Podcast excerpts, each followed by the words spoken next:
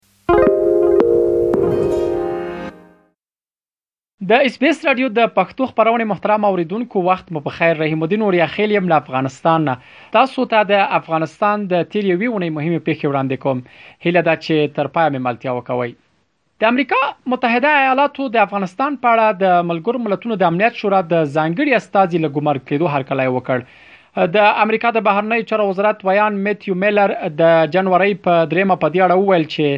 ځانګړی استازی بل افغانستان سره نړیوال تعامل تنظیم کړي ترڅو هغه اهداف ترلاسه شي چې ملګر ملتونو په خپل پریکړلیک کې لدې وړاندې کړی دي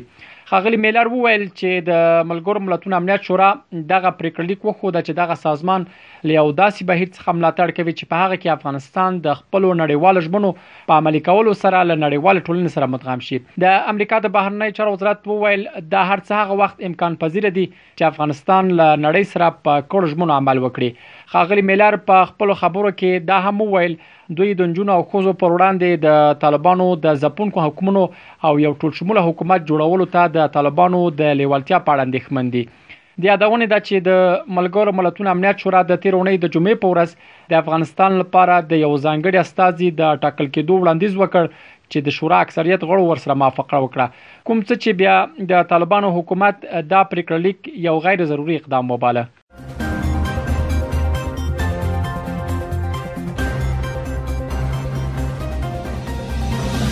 لسګونه افغان فعالانو او بنسټونو په افغانستان کې د نجونو د زده کړو په اړه په دغه هیواد کې د ملګر ملتونو د سرمنشي ځانګړي استاذ روزا اوتنابایو ورستي څرګندونه په خبرګون کې د دغه سازمان سرمنشي ته یو پرانیستی لیک استولای دغه لیک چې شاوخوا یو سل څلويختو بیلابل فعالانو او بنسټونو لخوا لاسلیک او د جنوري په 3 نیټه استول شوی د ملګرو ملتونو د سرمنشي ځانګړي استازي څرګندونه پکې غیر مسولانه بللې وي او هغه یې د انجونو په زده کړو د بندیزونو پاتې کولو تورنه کړې و د غلیک کې راغلي ول ډیری راپورونه او څېړنې ښایي چې هغه خلک چې د طالبانو تر کنټرول لاندې مدرسو کې ګډون کوي افراطیت ته مخه کړي او اورپا کې او بغاوت زده کوي په دې پرانیستلیک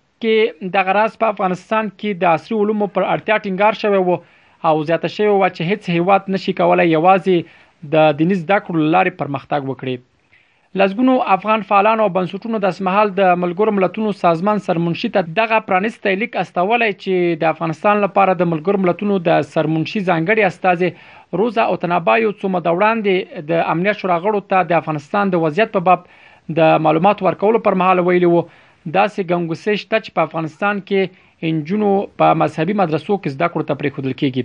اوتنابایو همدارنګه ویلي وو طالبان په هیڅ صورت د دې مدرسو د څرنې اجازه نه ورکوي او موږ نه پوهیږو چې هالته د څه شي لوست ورکول کیږي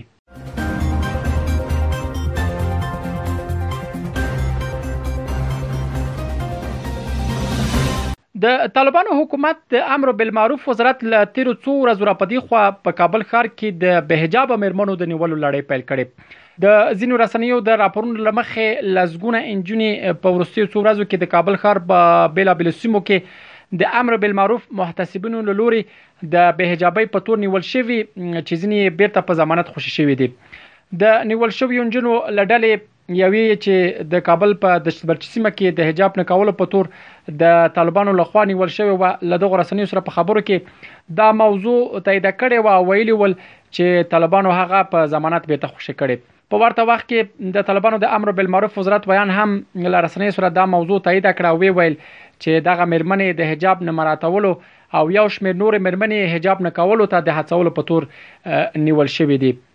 هغه وویل چې د نول شویو خزو محرمو ته یې بیا بیا لارښوونه کړې و چې د خپل خزو حجاب او لباس ته پام وکړي د یادونه ده دا لومړی ځل دی چې د طالبانو امر بالمعروف وزارت په کابل ښار کې خزي او انجونې د بهجابۍ په تور په ټلیز ډول نیسي.